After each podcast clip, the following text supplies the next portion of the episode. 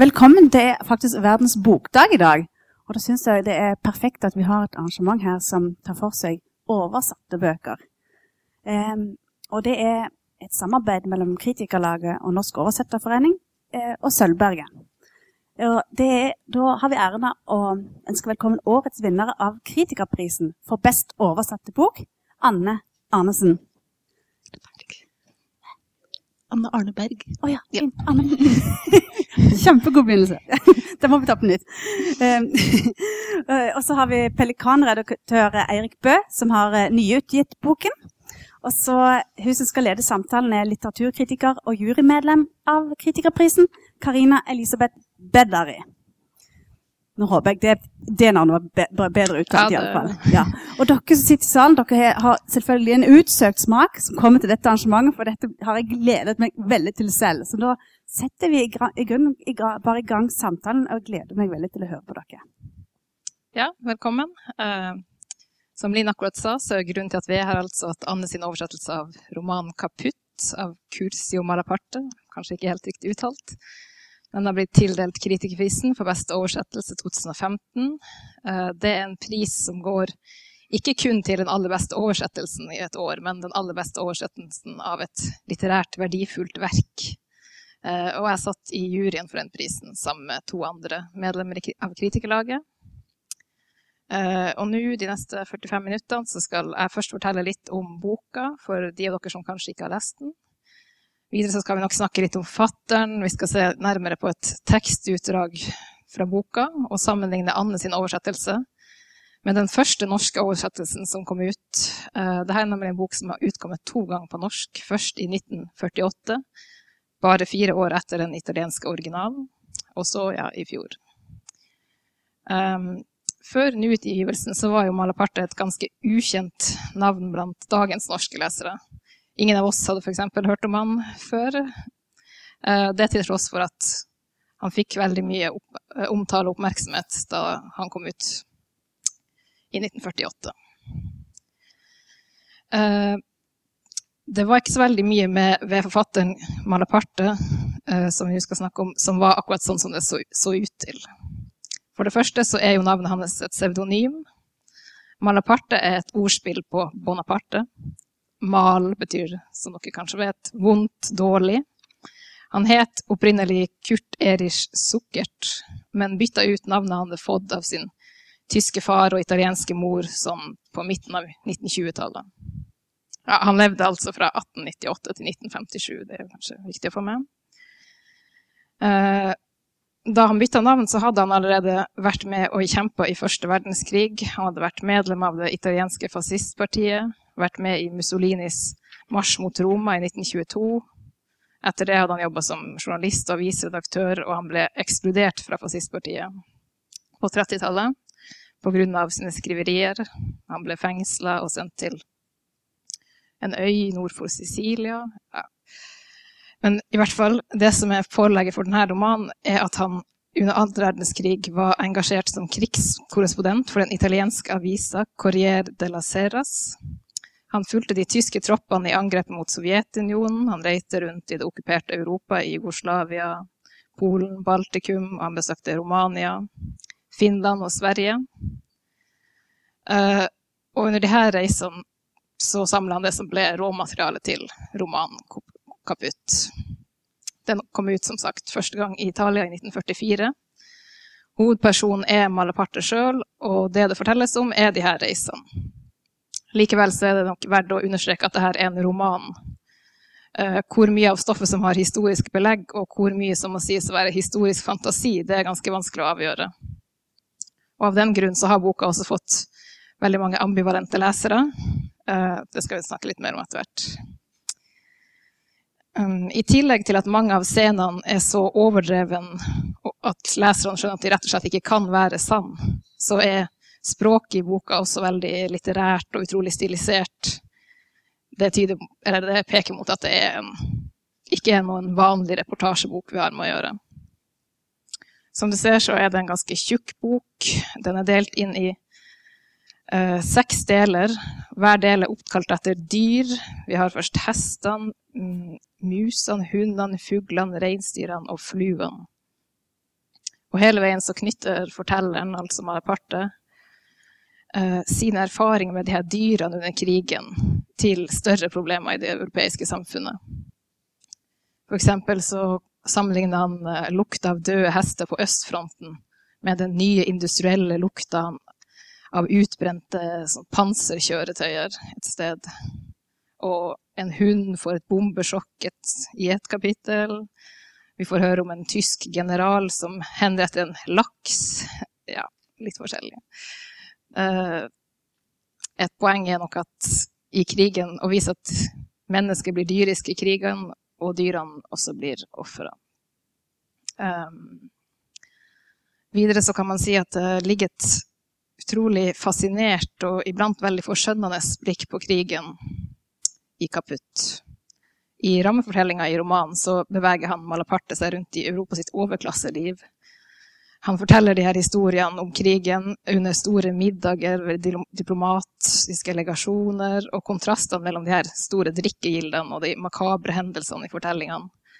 Det er noe av det som er med på å gjøre romanen såpass uhyggelig og litt grusom, som han sjøl også kaller den men også interessant, da. Uh, og det er kanskje noe av det som også gjør at uh, de følsomme beskrivelsene i boka Han drar på en måte krigen opp til et veldig mytologisert og mytisk nivå. Uh, men på tross av at han er mer opptatt av å mytologisere og beskrive enn av å egentlig kritisere krig direkte, så må vi som lesere ta stilling til de perversitetene vi møter i boka. De har en ganske voldsom virkning på lesen, enten de er forestillinger eller realiteter. Eh, og akkurat det poenget er sagt ganske flott av Odd Eidem, som anmeldte den første norske utgaven i VG i november 1948. Han er ganske kritisk til det at Malaparte finner på så mye, og at man ikke kan vite hva som er uh, ja, litterær fantasi og hva som er realitet. Men likevel så skriver han helt på slutten sitat, alle de innvendinger som her er reist, forhindrer ikke at en følsom leser vil kjenne krigens ildpust gjennom Malapartes visjoner. Opp fra dette kaos av skryt, selvros, bloddampende bilder og syner står et skrik av mennesker som tror at tidens ende er nær. Sitat slutt. Uh, men alt det, de her tingene, skrytet, selvrosen, fantasi og virkelighet, blandingen, det gjør at det er en type bok som hvor man blir vel så interessert i forfatterens liv, kanskje, og det forfatterens intensjoner, alt forfatteren i det hele tatt, like mye som verket. Det er nesten som han er en sånn postmoderne forfattertype som har gjort seg sjøl til en del av verket. Han bruker et pseudonym, han har en ganske spesiell selvfremstilling. Eh, kanskje dere har lyst til å fortelle litt mer om Malaparte? Hva er det som gjør at han er en så fascinerende person? Du, du som er blitt Malaparte-eksperten i, i, Norge, Anne? Ja. ja, det har gått bratt, bratt læringskurve. Jeg hadde jo aldri hørt om ham før, nei. Før jeg begynte å oversette ham. Uh, hva som gjør ham så fascinerende, det er jo Han var jo liksom eventyrlig. Altså. Han var uh, Det at han ljuger så fælt, litt, han blir kalt i en av anmeldelsene 'moderne Münchhausen', så jeg. Mm. Det er litt det der at uh, det er så åpenbart at han, ljug, at han ljuger, men det fremstilles som virkelighet. Det, er, det, skaper jo et spenn som han har lyst til å Man lurer på hva som egentlig skjedde, som du sier. og så var han jo eventyrlig. Da. Han, var, han var med på mye. Han var med i første verdenskrig, han var diplomat under i den Versailles Eh, forhandlingene etterpå. Han var uh, yngste redaktør i Torino-avisa uh, La Stampa. Han var uh, fascist på begynnelsen av Mussolinis marsj mot Roma den perioden. Ble ekskludert fra fascistpartiet. Var krigskorrespondent på østfronten. Men på slutten av livet ble han kommunist, rett og slett? Eller? Det er veldig tvetydig. Jeg tror okay. at det sies eh, Jeg har lest at på, han ville bli medlem av kommunistpartiet, men det ville ikke ha noe med ham å gjøre. Eh, men på dødsleiet så hadde han visst både tatt imot eh, katolske kirke, altså en velsignelse, natt, siste nattverden, og så og fått sikkert medlemskap i kommunistpartiet helt på tampen. Mm, okay. Så han hadde sikra seg. Siste vilje. Det det er jo noe av dette som er så fascinerende med han, at han, han, han er jo veldig uhåndgripelig. Og Ja. Du vet jo aldri hvor du har han. Og, og han blir jo veldig vanskelig å plassere på, på alle mulige måter. Og, og ikke bare av det han gjør og, og sine liksom det han skriver og, og det, det som ser ut til å være hans agenda, men, men, men også pga. selvframstillingen. Og at alt er jo selvframstilling hele tiden. Altså, det lyser jo uh, Agendaen er like mye ham selv som det han skriver om, føles det som. Og det, det eh, kunne være interessant bare å sende boka rundt bare fordi en, en, en mann som liker å få tatt den typen forfatterportretter av seg selv, som jo i dag minner mer om det Knut Nærum gjør på, som parodi på sine krimbøker, eh, skjønner du jo at, at, eh, at det er jo et veldig sånn selvopptatt og narsissistisk menneske også. Så det er jo det som gjør det spesielt da i forbindelse med kanskje altså en framstilling av krig, som, som gjør det så problematisk, men også gjør han så fascinerende. Eh, bare mens vi snakker om bilder, så eh, jeg tok med en fotobok som jeg fant i Italia i sommer, som ligger der sammen med de andre bøkene som dere kan bla i, som utdyper akkurat det eh, bildet litt.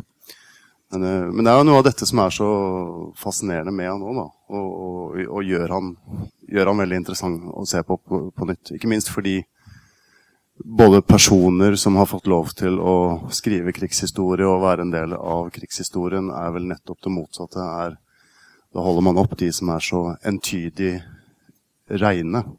Mens dette her er jo på alle måter en veldig urein person. Ja, men han er jo klar over det sjøl også. Liksom. En kuriøs ting i den forbindelse er jo det ekstra forordet som er med i den første utgaven. For de to norske utgavene er basert på to forskjellige italienske utgaver, faktisk. For det kom en i 1944, og så kom det en ny i 1950, er det stemmer det? Ja. Ja, det var to til, men den MDG, okay, som han ja. kalte det, den, Ja, ja. den kom i 1950. Eh, Og i den første så er det med et slags forord som bare heter 'Forfatterens selvportrett', hvor han eh, ja, beskriver seg sjøl, påstår at alt han skriver er sant. Og, ja, du kan kanskje fortelle litt om det? Eh, Ja, det er veldig Ifølge Odd Eid, Eidem så var det spesialskrevet for den norske utgaven. Jeg har ikke klart å verifisere det, men den begynner jo utrolig sterkt med en sånn setning som Skjønt dette portrettet er tegnet av meg selv, inneholder det verken smiger eller lovtaler, men bare data og fakta. Ja, Det og så utrolig- lister, på slutten lister han opp liksom, fakta om seg sjøl, at han er så så høy, veier så mye. Ja, hele greia er utrolig Sterk og atletisk. Ja. 1,84 cm høy og veier 74 kilo. Kraftig, frisk og atletisk. Og så litt om hvilke sporter han foretrekker, og hvor han bor. Det, og det, dette forholdet her tar jo også del i det man har snakket om når det gjelder Malaparte og denne boka, og også som, vel, som du skriver om i, i ditt etterord, at det fins en slags reinvaskingsprosess eh, gjennom de årene under krigen hvor han skriver denne boka. Altså, eh, det var vel denne journalistkollegaen hans som han eh, på en måte i boka fullstendig undertrykker at er med på disse reisene, som vel hadde sagt at denne skriften her forandret også form etter hvert som han skjønte hvor mm. hvilken retning vinden blåste under krigen. Sånn at jeg tenker at det forordet som er i den eh, utgaven, den tidlige utgaven der, som er jo sterkt løgnaktig, er vel kanskje en del av den prosessen som, eh, som, som, som går på å reinvaske ham selv, rett og slett. Det var skrevet i 1948. Man kan tenke seg at han har hatt ganske hard medfart i Italia på, siden den kom ut. Og at han følte veldig behov for å, å, å framstå heldigere da, i et lang, langt, langt borte, hvor de ikke kunne fin, finsjekke helt faktaene, tror jeg. Men han fikk jo faktisk ganske hard medfart her i Norge òg, spesielt i 1948. I fjor var kanskje ikke anmelderne like skeptiske, men Odd Eidem, som du nevnte, kalte han jo f.eks. en sjarlatan i helvete. Uh, og ja, jeg har lyst til å spørre, det er av statusen boka har fått, at vi er mer åp eh, åpen for den typen selvfremstilling i dag? Eller er det at eh, han var så kjent på den tida som skandaleforfatter? Jeg kan jo lese opp en annonse som Aschehoug fikk trykka i Dagbladet i oktober 1948. Den sier litt om hva slags type bok de mente de hadde utgitt. Uh, I dag, ja, sitat, I dag kaster vi en sydende bombe inn på bokmarkedet. Kaputt vil gjøre seg gjeldende med et brak. Yndig er den, og bestialsk, rå og fortryllende, så kynisk og varsom som ingen annen. Alle kresne og alle vulgære vil glede seg over den. Den avfødde også noen reaksjoner. I Aftenposten så kom det et tilsvar som lurte på om Aschehoug eh, med å appellere til de vulgære ville avfeie hele sitt gode navn og rykte for å drive produksjon av halvpornografi. Men uh, ja, det sier Dette illeluktende produkt. ja, ja. Men, ja. Men det var jo også andre som Det var hele spekteret. Og det som var fascinerende, var jo at det var så mange som anmeldte den. ble så bredt mm. anmeldt. Og det var hele spekteret.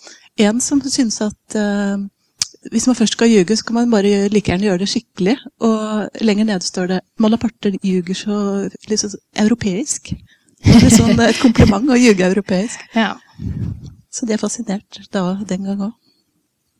Men, Men hvorfor, um, hvorfor denne gangen Den fikk jo ganske bred anmeldelse denne gangen også, men det er ingen som har den indignasjonen som Nei. de eh, forståelig nok hadde. De fleste skriver litt at det er noe problematisk i det, men tar ikke fullstendig stilling for eller imot, sånn sett. Mm. Nei, det er jo det er klart det er en avstand i tid her som gjør at dette her, dette her er jo et Foruten at det, den kan jo leses bare som litteratur, og som god litteratur, og, og sånne ting, så, så, er jo avstanden i tid gjør at du, du slipper jo den indignasjonen som du opplagt eh, en del ville følt i, i 1948. Mm. Men så er det jo også litt det som du nesten var inne på, at han nesten kan uh, liksom før, før, det var et faktum, men nesten virke som en litt sånn uh, postmoderne forfatter. altså den, den typen selvframstilling mm. har vi jo også mye mer erfaring med ja, å, å, å, takle nå, og kan synes er veldig fascinerende på, på, en eller annen måte. Så sånn sett så er han jo veldig grei å lese for, eh, for et uh, moderne publikum. Men, men, det er klart det blir jo et historisk dokument i, i mye større grad. altså Den gang levde han jo og, og, og fartet rundt og, og, var fremdeles, som du sa, en, en, en, en skandalemann. Eh, og det, det slipper vi jo strengt tatt nå. Ja. Eh, apropos det, hvorfor valgte dere å gi den ut på nytt? Eh. Ja, altså, den, den, har jo en uh, sånn sett interessant historie for oss, for den henger egentlig sammen med hele forlagets historie. Pelikanen forlag ble jo startet i 2010 med første bok i 2011. Da var det Geir Angel Øygarden med 'Bagdad Indigo', som da var jo også en en, en, krigsreportasje, en krigsskildring eh, fra sosiologen Geir Angel Øygarden. Eh, eh, og, og, sånn som det har vært egentlig helt, eh, helt siden starten av Pelikanen. Det, er litt, eh, litt, sånn som eh, denne senatoren Cato i, i, i, Roma, som avsluttet alle møtene med 'for øvrig bør Kartago ødelegges'. Så har det på en måte ikke vært mulig å ha en samtale med Geir Angel Øygarden siden 2010 eh, uten at han har sagt for øvrig mener jeg kaputt må oversettes. uh, og, eh, og, det er jo selvfølgelig det er jo en sammenheng der. Altså for da hadde jo han lest seg opp på veldig mye krigslitteratur og, og, og denne forkjærligheten for nettopp de ureine, uh, ureine framstillingene. De som var tvetydige, de som ikke tok uh, det vante ortodokse moralske standpunktet, som var fascinasjonen. Uh, og det, og det syns jeg er en god grunn for å gi ut nettopp denne typen bøker nå også, fordi spesielt krigshistorien uh, blir veldig strømlinjeforma. Den blir de rene heltene som forteller. Det er vinneren som skriver historien, osv.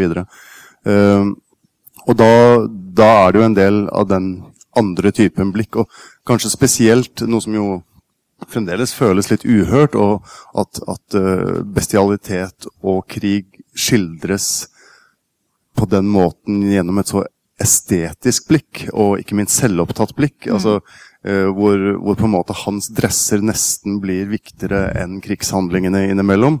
Men samtidig så, altså, så, holder han jo opp nettopp disse to tingene. Det, det gjør det jo ekstra bestialsk. Og, og jeg tror han er Eh, kanskje dra noen litt sånn grove sammenligninger, men jeg tror han er ganske bevisst på dette her med det estetiske. Og, han, altså, han, beveger seg rundt blant adelige og prinser. Og han har jo også et blikk som, som, uh, som gjør at Altså, denne iscenesettelsen i disse høye kretsene gjør jo at, at spranget inn i gettoen, i krigen, i de døde kroppene alt sånt, får ekstra effekt. Og, og altså det, det, er nesten sånn altså, Dette har både Chaplin og Mel Brooks og Carl Henning Wikmark, som vi også har gitt ut som, som skrev en slags uh, nazipornofarse, uh, sett. Altså dette her estetiske ved det nazistiske og fascistiske. altså Det ligger på en måte innebygd. altså De skinnende uniformene altså denne, Dette estetiske er egentlig en del av Italia-Tyskland krigføringen. Så jeg føler at han, han, han, går på en måte inn der og bruker det ganske mm. bevisst også. Da. Selv om disse andre har gjort dette til farse og komedie, så, ja, så, så, er det likevel noe der da, som han klarer å gripe tak i. Så, og det syns jeg det er et viktig blikk. da, det det er en grunn god nok til at han må leses på nytt.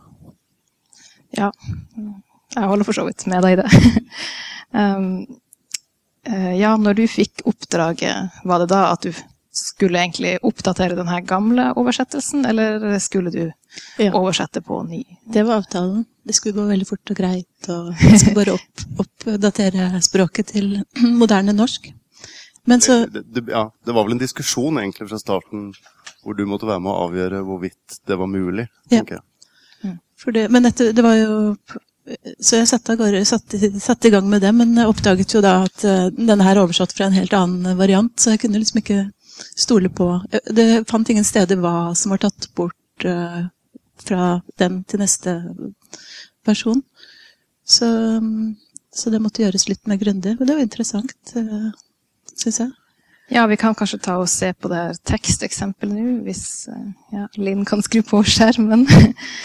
vi har et Skal jeg flytte meg litt? Et lite utdrag fra både fra eh, den nye og fra den gamle oversettelsen samme sted. Eh, her er fra den Anne sin nye. Mm. Eh.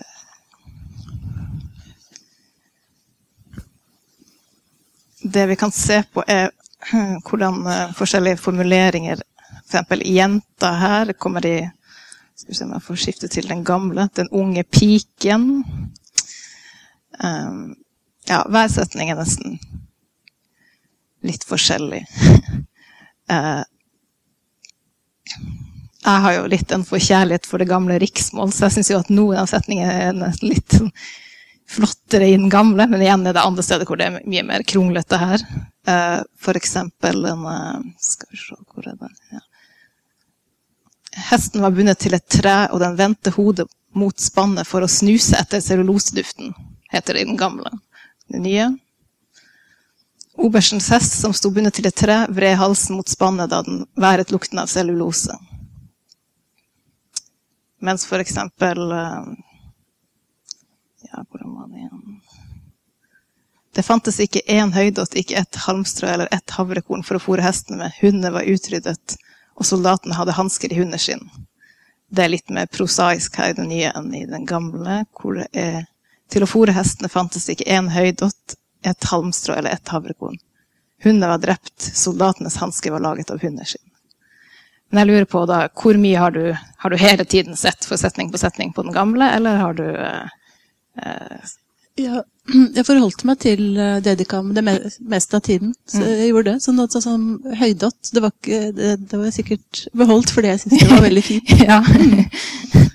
Men uh, jeg er enig. Jeg syns Dedicams oversettelse er fin. Men jeg tror jeg la meg nærmere i mange situasjoner at jeg liksom la meg nærmere den, den italienske. Ja, okay, Og hvis jeg kunne. Ja, og så sånn der på siste setningen der med hun som så hun, så, hun snudde hodet mot sjøen, ja, sier Dedekam. Mens jeg bare hadde oversatt med 'så'. Ja. Så mot sjøen. Ja, det er så I originalen så var det at hun hadde vendt ansiktet mot. Så det blir bare Jeg tenker at uh, det, var, det, er vanskelig for meg liksom, å rekonstruere nå hva jeg ja, tenkte da. Men at hvis det blir for mange ledd, at ja. uh, de stiv, de blåfrosne fingrene mm. altså Hvis det blir for mye sånn, at jeg sikkert har eh, prioritert å få best mulig flyt, ja. vil jeg anta. Har du lest den gamle, Erik? Uh, jeg har ikke lest uh, hele den gamle. Jeg kom omtrent halvveis ut i den mm. før vi var i gang. Og jeg har også sett på eh, den amerikanske utgaven, som ble ny, nyutgitt på, eh, på 2000-tallet. Det jeg tenker litt i forhold til det, er også dette her eh, Det som er skummelt med å revidere gamle norske oversettelser, kanskje spesielt fra den perioden, er jo nettopp at eh, hele den der oversettergjerningen eh, var så annerledes da. eh, noe som jo har ført til en del sånne halvskandaler i det Ja. siste. Altså, ikke sant? Man måtte jo oversette? Trollfjellet heter jo nå Trolldomsfjellet fordi man måtte oversette alt på nytt, og plutselig merket man at det var eh, en oversetter med litt sånn politisk hard hånd som hadde redigert vekk veldig mye. og og, og, og det er litt vanskelig å spore tilbake uten at du skal begynne å bruke et par år på det. sånn at Ja. faren for, spesielt i en bok som dette, at en norsk oversetter i 1948 eh, har tatt noen grep, eh, er jo veldig stor. Og da, da forsvinner jo egentlig det dokumentet som, som, eh, som legitimt dokument å, å bruke, og desto viktigere at Anne uh, var i, i den uh, italienske utgaven av, av 1950. Så det blir, det blir også det er et rent sånn prinsipielt og politisk uh, spørsmål da, om, om hvordan man skal gjøre det. Faren for å trå feil der med de gamle norske oversettelsene fra 40- og 50-tallet er jo enormt stor. Men Ja. eh, under arbeidet husker jeg du, du klødde litt etter å redigere som redaktør. Det gjorde jo jeg selv, og- og det var en av anmelderne, tror jeg, i eh, Klassekampen. tror jeg. Ja, han skrev at en del burde vært utelatt. Det var for mye dialoger var, dialoger var det for mange sol- solsikkeåkre eller noe sånt? Jeg skulle Men hadde jeg vært redaktør på 40-50-tallet, så hadde jo den boka vært mye tynnere også. eh, Og da hadde det jo nettopp vært eh, behov for en nyoversettelse i 2070, hvor eh, vi ble baktalt på det groveste. nettopp fordi ok, vi, vi velger å, å forholde oss til det verket vi har fått, og må, og må jo da sånn sett forholde oss uh, tro til det, da. Ja. det, Men du nevnte at uh, i den amerikanske utgaven så var det et kapittel som var utelatt, Uh, det eh, tatt bort hele kapitlet med den skuddredde hunden. Den syns ikke de er... Det er veldig merkelig. Det er ikke en veldig god oversettelse, syns jeg, den amerikanske. fordi den, den, har, den tror jeg forholder seg til en språk- eller en lesergruppe som kanskje ikke kan så mange fremmedspråk, eller ikke kan eh, tok veldig mye sånne løs, lure løsninger, syns jeg. Skandinaviske derimot, de var, de, er veldig, de var veldig tro mot originalteksten. Ja, en ting apropos de eh, skandinaviske og det oversettertekniske. Eh, En anmeldelse påpekte jo at du hadde valgt å oversette flere lange passasjer som på, i originalen står på fransk til norsk, Ja. mens andre hadde latt de stå. Ja. da. Jeg fikk kritikk for det. Ja, Men det var en eh, oversetter som Nei, en anmelder ja, som påpekte, og det er helt riktig. Det tenker jeg er veldig problematisk å Mm. gjøre. Eh, Fordi eh, det er et stort poeng i boka at han ferdes i diplomatkretser, og der foregår alt Der representantene for de nasjonene som er i krig, møtes i de her selskapelighetene i, i Finland, er det hovedsakelig, som, og snakker sammen da. og er i selskapelige sammen og snakker fransk. Sånn at hver gang det franske kommer inn, så skjønner du at nå er vi i diplomatkretser. At det er en veldig fin markør. Eh, Som, også, som han anmelderen påpekte, viser jo også hvilket brodermor denne verdenskrigen egentlig var. Fordi det var ja, Men vurderte du å la det stå? For eksempel Ja. faktisk i Trolldomsfjellet, som du nevnte, så er det jo et kapittel som kun er på fransk, tror jeg, og så står det en sånn indeks bakerst hvor Mm. det er oversatt, så man kan bla dit for å forstå hvis man ikke kan fransk. Vurderte du noe sånt? Ja da, jeg var gjennom hele greia. fordi at eh, det, er veldig mange forskjellige løsninger av det. Den amerikanske har selvfølgelig bare oversatt eh, til eh, engelsk. Eh, den svenske har latt det stå på fransk, men har oversatt det i fotnoter helt bakerst. Eh, mens den danske har bare latt det franske stå uten noe forklaring. Mm. Eh, og- Ja, det er ganske radikalt. det er veldig Da har du stor tillit til lesernes eh, dannelsesnivå. Nei, for, for meg så fungerte Jeg prøvde fotnoter nederst og fotnoter bakerst og det hele, men jeg syns ikke det fungerte. Og samtidig så prøvde jeg å lese den eh, Cormac McCartys den, den, eh, Er det Grensetrilogien heter den med hest? Alle de vakre hestene. Og den var sånn da rett på, masse spansk, så du måtte slå opp bakerst. Og jeg, jeg falt helt av, da. Jeg falt av boka. Så det, jeg tror det var det som gjorde at jeg valgte å, å oversette det. Fordi at eh, Ja. på seg selv kjenner man andre. Jeg kan ikke godt nok fransk. Pluss at jeg sjekket med en na fransk nabo som ikke helt skjønte fransken hans. Så jeg tenkte kanskje ikke man skal stole på at den er så bra, så verneverdig er heller, den der fransken. Ja. Det, det blir jo også et eh, Ja, det blir jo et redaktørspørsmål da, på en eller annen måte. Men i hvert fall i romansform, så med et lite unntak av Dag Solstad, så, så, så syns jeg man skal prøve å unngå den typen fotnotebruk og henvisninger og blading og gjøre, gjøre leseren den tjenesten, selv om det selvfølgelig er Det er jo en dimensjon som for, forsvinner der, altså nettopp med, med hele dette Altså egentlig Europa som sådan og det samla og diplomat-Europa i denne teksten, men samtidig så gjøres det også så klart i teksten øh, Ja, egentlig både hvilket språk de faktisk øh, snakker, og hvilke kretser de befinner seg i. At jeg, jeg syns, øh, syns leseren skulle få lov til å slippe å begynne å bla fram og tilbake i en bok som allerede har en del sider å bla i. Ja, det, Men du sa dere hadde reagert på det litt, eller snakket om det i juryen? ja, vi snakket litt om det, men vi kommer frem til at eh, vi sto inne for din løsning. Ja. Det, men ett en, et alternativ hadde jo vært å kunne bruke en eh, norsk, annen norsk form, på en måte. At skrive på et annen, annen type norsk, mer høy, gammel norsk, f.eks. Men det hadde kanskje blitt rart i sammenhengen, det òg. Ja, det vurder- det vurderte jeg ikke. Men Nei. jeg er litt sånn eh, skeptisk til eh, sånn dialektbruk av Ja. sosiolekter. Men eh, det kan fungere.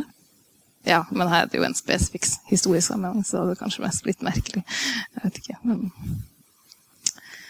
um, Ja, kanskje vi kan snakke litt om uh, hvordan uh, Malapart, eller ting fra boka, har blitt brukt og overlevd i uh, kulturhistorisk sammenheng, eller litterær sammenheng. Eksempel den scenen der det her er henta fra. Det er jo en scene med ishester. Eh, kanskje du kan fortelle litt om den? En av de mest fortryllende scenene i historiene i hele boka, egentlig. Veldig vakker scene. Dere som har lest den, vil huske den. At eh, Mm. den, den er veldig visuelt eh, vakker, appellerende. At han, det er disse hestene som er blitt jaget ut i sjøen under en brann, skogbrann, og så plutselig, på sekunder, så kom frosten. Og de blir liksom frosset i sånne positurer. Uh, og så går de soldatene og de går rundt i hestene. Og liksom, det er dit de tar kveldsturen sin og sitter og spiller på trekkspill og synger. og Han sammenligner det med en sånn lands, karamell, kar, eh, karusell på en sånn landsens eh, tivoli. Etter hvert som isen begynner å bryte opp og isflakene beveger seg, så er det uh, ja, Uh, Det var flere bilder også, men de kom jeg ikke akkurat på. Men hvert jo, de sitter noe- på dem. Ja, og du sa at det var en kunstner som hadde lagd disse ishestene, eller et eller annet sånt. Ja, ja, disse ishestene på uh, Ladogasjøen, er det ikke det Ja, heter? Uh, har, dukker jo opp uh, innimellom. Altså, de står jo opp av isen og blir brukt som benker omtrent, da, som Anne sier. Eh, en svensk kunstner annet som har eh, gjort dette med eh, drivved og forskjellige sånne ting, og, og, og, og lagd disse hestene da, som stikker opp av, av, av snø og is. Det dukker opp uh, forskjellige steder i, i populærkultur. Altså, du viste jo også til en, en sånn uh, fake eh, dokumentar om en kanadisk filmskaper som har laget en film som heter My Winnipeg, som kom i 2007. Den hadde jeg faktisk sett før, før jeg leste Malapart, så jeg, ble ganske fascinert av akkurat den scenen med sånne ishester. Mm. Der skjer det liksom det i den byen Winnipeg i Canada at de er frosset fast, og folk går dit ut på isen og har romantiske turer og setter seg på hestehodene. Det er jo blitt et veldig sånn levende bilde, og, Ja. og, og samtidig altså Det som kanskje oftest trekkes fram fra denne boka, er denne opplevelsen her, som jo uh, helt opplagt også er en av de mest sånn romanaktige delene. For det, Ja, det er ikke det sant. er ikke en sann historie uh, i det hele tatt. Og, og det brukes mye plass og tid på den, og det er et av de sterkeste bildene. Og det er jo løgn fra ende og- til annen. Uh, og, og viser jo litt av, av, av hva han holder på med, da, egentlig. Altså, han, han vil først og fremst mane fram disse bildene framfor å forholde seg spesielt som tro, tro, til, eh, tro til historien. Vet du hva jeg har tenkt om den? Det er at eh, i, han, han, han er sånn, Hver gang han kjenner denne ekle lukten av, eh, av maskiner som dør, da, rust og bensin, og, så minnes han første verdenskrig, hvor det var Han påstår at det var lukten av døde hester. Da, var mye mer framtredende opplevelse av første verdenskrig. For det han skriver i reportasjene sine fra fra eh, Finland der, da, det er at han eh, Hele Østersjøen ble frøs. eh, Sånn at en hel flåte med krigsskip ligger sånn frosset. At det på en måte er en den der Ja, forskyvning som er romantiserer enda mer eller lager det enda sterkere. ja. Odd Eidem nevner jo også det ishestbildet i sin anmeldelse og sier at man får en litt spesiell interesse for Malaparte når man skjønner at alt er bare oppfunnet, og finnene har avskrevet denne historien. Jeg tok jo kontakt med Meteorologisk institutt. Jeg hørte er det mulig? Kan, eh, Å ja! Nei, det var det er ikke, mulig. mulig. det er veldig kjedelig å si det, men ja. mm. Jeg hadde et par timer på, på Google På- og bilder selv. Så jeg tenkte, men dette må det jo finnes bilder av. Ja, for det var hvordan den der iskalde vinden fra Murmansk som kom inn sånn, sånn at bølgen flø, stivnet i bevegelsen. Eller hele havet liksom stivnet midt i bølgen. Mm. Ja. Det er fint. Det er veldig visuelt fint, men Og veldig europeisk løyet. Men du er litt skeptisk likevel til boka som helhet? Ja. Du synes det er for, Nei, jeg for har veldig blanda følelser. Jeg syns, jeg syns den er veldig fin. Den har veldig mye fint. Men uh, den er jo veldig problematisk. Jeg tenker på det du sa om uh, hva som er greit og ikke greit. Hvis noen hadde skrevet en sånn røverhistorie med å blande litt fakta og fiksjon om f.eks. Utøya nå, det hadde vært omtrent like rystende. Vi må tenke det litt i det perspektivet. Liksom Hvordan vi, ville vi reagert hvis noen tok noe som var veldig nær for oss? da, Et eller annet blodbad nær i tid. Det er jo noen forfattere nå samtidsforfattere som gjør det, faktisk. Altså drar inn Utøya litt, grann, bruker det. Leikvoll gjorde eksempel det i sin siste bok. Eller var det noen sånne referanser til Pumpehuset som plasserte inn i hans uh, fiksjonsunivers. Da reagerte jeg faktisk ganske sterkt på det. Eller synes det var Ja. Ja, ikke minst når det også er skrevet fra feil ja. side, fra Malaparte, så å si. Eh, Bokstavelig talt. Ja, Eh, ja. så, så får man jo selvfølgelig piggene ute. Ja. Og det er jo det som gjør den såpass levende, tror jeg. Altså, det, paradoksalt nok så er det jo det som gjør at den fortsatt virker ganske frisk og litt sånn rysten. Og... Jeg er Ja. veldig overrasket over hvor, hvor mye responsen fikk. Ja, absolutt. Uh, overskriften på dette arrangementet det var jo 'litterært mesterverk fra andre verdenskrig'. Jeg vet ikke hvordan det er med dere, men jeg har i hvert fall et sånn ganske ambivalent forhold til ordet 'mesterverk'. Det er sånn, noe litt satt med det, noe litt sånn stivna. Men det er akkurat som du sier, det, det siste man kan si, at kaputt er det liksom satt eller stivna, eller jeg ville ikke egentlig plassert den som et mesterverk på den måten i, i den liksom, europeiske kanoen. Ikke sånn som eh, Den er mer eh, ja, ambivalent, mer eh, Ja, den, den har jo ingen, ingen av disse tegnene til å være noe man vil kanonisere. Altså, det er den altfor sånn såpestykkeglatt, og, og, og, og har jo ikke det Altså på godt og vondt, og egentlig mest på godt, og så har jo ikke den tendensen som gjør at du, du setter den som en nasjonal eller europeisk eh, kanon, for det vil alltid, alltid være en protest, og alltid være noe som ikke stemmer der. Eh, men, men igjen, da, det er, jo, det er jo kanskje noe av det som som er kvaliteten. som er kvaliteten, og, og ikke minst i forhold til krigshistorie, hvor ting stivner så veldig til da, i, i den offisielle, gode historien om eh, ikke bare hvordan krigen forløp, men også hvordan man snakker om krig, og hvordan man snakker om menneskelig lidelse, og ikke minst eh, hvordan man beskriver de forskjellige eh, partene her. Eh, og der er det jo den er en eh, øyeåpner, syns jeg. Ja. Og for å illustrere det, så tenkte vi at vi skulle avslutte med at eh, Anne leser et lite Ja. utdrag. Jeg har bare lyst til å si kanskje litt om det der vi eh, snakket om, liksom hvorfor Ja. ting må nyoversettes med jevne mellomrom. Ja, ja, Det er litt sant, det interessant, for jeg fant tilbake den uh, italienske versjonen, så, så er det lange lister uh, i, i originalen, da, den italienske originalen fra 2009. Så har jo lagt veldig mye arbeid i å beholde alle Malapartes uh, feilskrivninger og ting.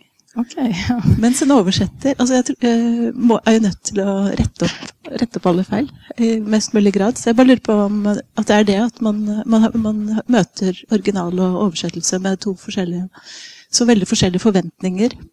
At hvis det butter imot språklig, at det virker litt foreldet, litt sånn uh, arkaisk, uh, bare med ordstillinger og sånne således og sånne Mm. ting som man må ta bort. i en oppdatering. Eh, det, det, tåler vi veldig fint i en original, men eh, med en gang vi hører det i en oversettelse, så, så blir vi litt skeptiske. Jeg blir det i hvert fall. Mm. Det er akkurat som jeg mister litt tilliten til hele, hele oversettelsen hvis den virker for, for, fremmed. Ja, det er selvfølgelig også at de, den gamle oversettelsen ikke fins på biblioteket, eller kanskje langt nede i magasinet. Ingen, det er jo en måte å gjøre boka Eller få, la boka bli lest på nytt da, også. Ja. Skal jeg lese et lite Ikke ishestene, da, for uh, den kjenner alle. Men uh, det er noen veldig fine beskrivelser av uh, en, en laksefiske. Her kommer han til langt oppe i, langt opp i Finland og skal prøve å finne seg et sted å bo. Det første jeg gjorde da jeg kom frem til Inari, var å gjennomsøke landsbyen etter en seng å sove i.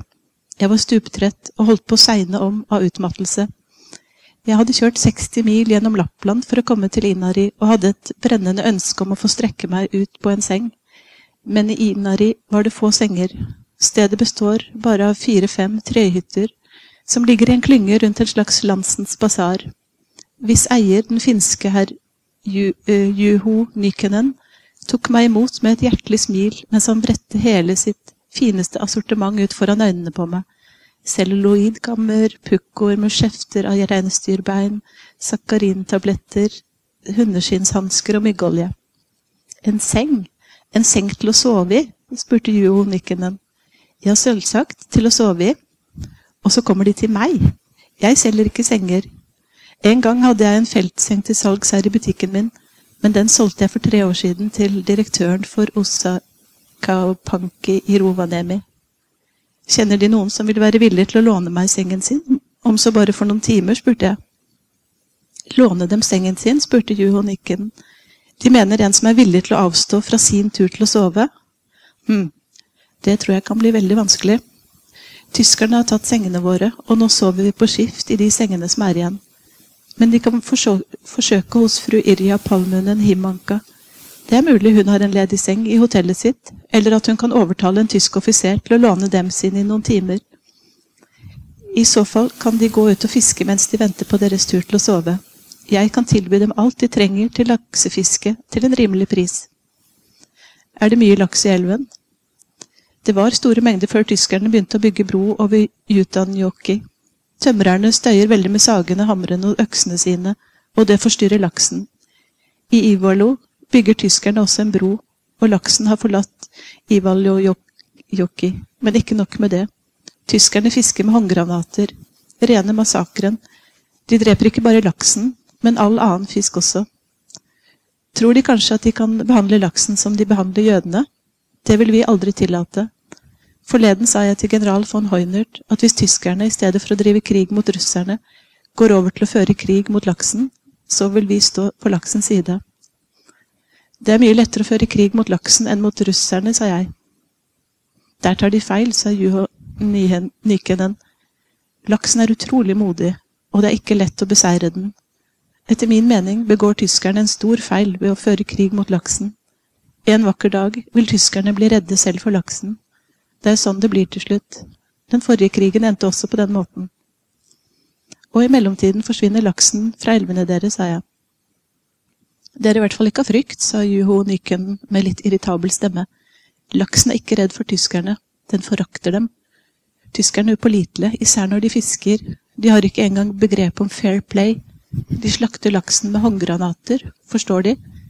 De ser ikke på fisking som en sport, men som en form for blitskrig, Laksen er verdens edleste dyr, den foretrekker døden fremfor vanære. Mot en hedersmann vil den kjempe til det siste, fordi den selv er en fullkommen hedersmann og ser døden heltemodig i øynene. Men den nedlater seg ikke til å måle krefter med en uverdig motstander. Den foretrekker å gå i landflyktighet fremfor den, den vanæren det er å kjempe mot noen som ligger under dens eget nivå. Tyskerne er så rasende over at det ikke lenger er laks i elvene våre. Vet de hvor laksen drar hen? Til Norge. Hva? Tror de kanskje at nordmennene er bedre stilt enn laksen? Det er jo tyskere der også. Nei, den utvandrer til den andre siden av Fiskerhalvøya, mot Arkangelsk og Murmansk. Jaså, drar til Russland? Ja visst drar den til Russland. sa Juho Nykenen.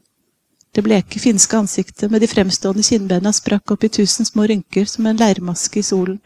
På den måten skjønte jeg at han smilte. Den drar til Russland, sa han, og vi må bare håpe at den ikke en vakker dag vender tilbake med røde ideer. er De helt sikre på at den kommer tilbake? Det gjør den, og det raskere enn noen skulle tro, sa Juho Nyken. Så la han til med en senket stemme. Tro de meg, tyskerne kommer til å tape krigen. Å, utbrøt jeg, de mener altså at tyskerne kommer til å tape krigen? Jeg mener krigen mot laksen, sa Juho Nyken. Lokalbefolkningen her, både samene og finnene, står naturligvis på laksens side. Forleden ble det funnet noen døde tyske soldater ved elven. De var nok blitt drept av laksen, eller hva tror De? Det er sannsynlig, sa jeg, og jeg, kjære herr Juho Nykenen, kommer til å hilse laksens seier velkommen. Laksens sak er menneskehetens og sivilisasjonens sak. Men i mellomtiden vil jeg gjerne ha en seng å sove i. Tusen takk.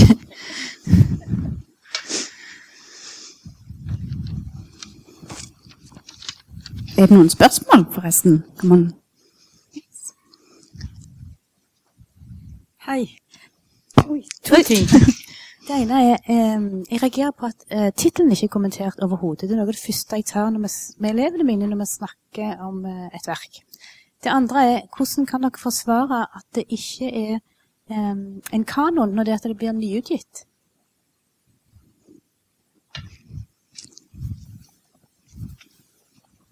Uh, Tittel? Tittel Eh, Det er jo eh, heldigvis originaltittelen også. Den er jo ikke oversatt, men der har vi Det er vel foran i boka dette opphavet i hebraisk, er det ikke det? Som visstnok også er tvilsomt. Ja.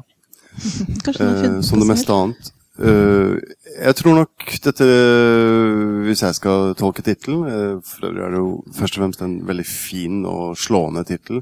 Men for meg så blir det et bilde på hele Europa. Altså uh, Og også som vi snakket om, altså hvordan uh, Malaparte beveger seg rundt i, i disse diplomatkretsene. Men, men ikke bare det. Men altså, vi glemmer jo veldig ofte at dette er jo en tid og et sted, i hvert fall utenfor Norge, med et veldig levende ikke bare adelskap, men altså prinser og prinsesser som han eh, frekventerer rundt omkring i Europa, og de er jo inngift med hverandre på alle måter. Det blir på en måte et bilde på det samla Europa, eh, hvor krigen igjen blir bare veldig eh, blir, altså selvfølgelig ødeleggende, men blir, men blir på en måte et bilde på dette brodermordet som Anne snakker om. Og det er liksom Europa som er kaputt, uh, syns jeg. Det er hele ideen om at vi faktisk er eh, så like over landegrensene som, som er kaputt. Eh, så det er et veldig sånn klart bilde på, på rett og slett bare krigen som, eh, som det totalt ødeleggende, eh, tenker jeg. Enig. Mm. hvordan vi kan forsvare og oversette hvis det ikke er en del av kanon. Eh, for sånn Hadde det vært en del av kanoen, så hadde det jo vært oversatt og nyoversatt for lenge siden. Eh, jeg vil nok, eh, Hvis du problematiserer det, så vil jeg jo si sånn at selvfølgelig det at vi henter den fram, er jo nettopp eh, en idé om at vi syns dette her er en del av krigskanon, men det har, det har ikke, den, den har ikke de kjennemerkene som er sånn et typisk kanonverk, var det vel det jeg mente i stad. Så den er ikke en bok som er veldig lett å plassere inn i, i, i den bagen eh, vi vil gå rundt med, som, som er eh, dette er det vi vil vedkjenne oss, og dette er det vi vil bygge våre ideer og landet på. Altså den der litt mer sånn nasjonalromantiske kanon eh, det, det kanonbegrepet, det, den er for problematisk til det. Men at den definitivt fortjener en plass blant de store verkene som skal trekkes fram, eh, både litterært sett, eh, eller først og fremst litterært sett når det gjelder krigen, det, det er jeg ikke i tvil om. Det er mer dette kanonbegrepet som litt sånn satt. Jeg tenkte at der, der vil den sjelden finne en, eh, en plass, for, rett- fordi den er et litterært såpestykke, rett og slett.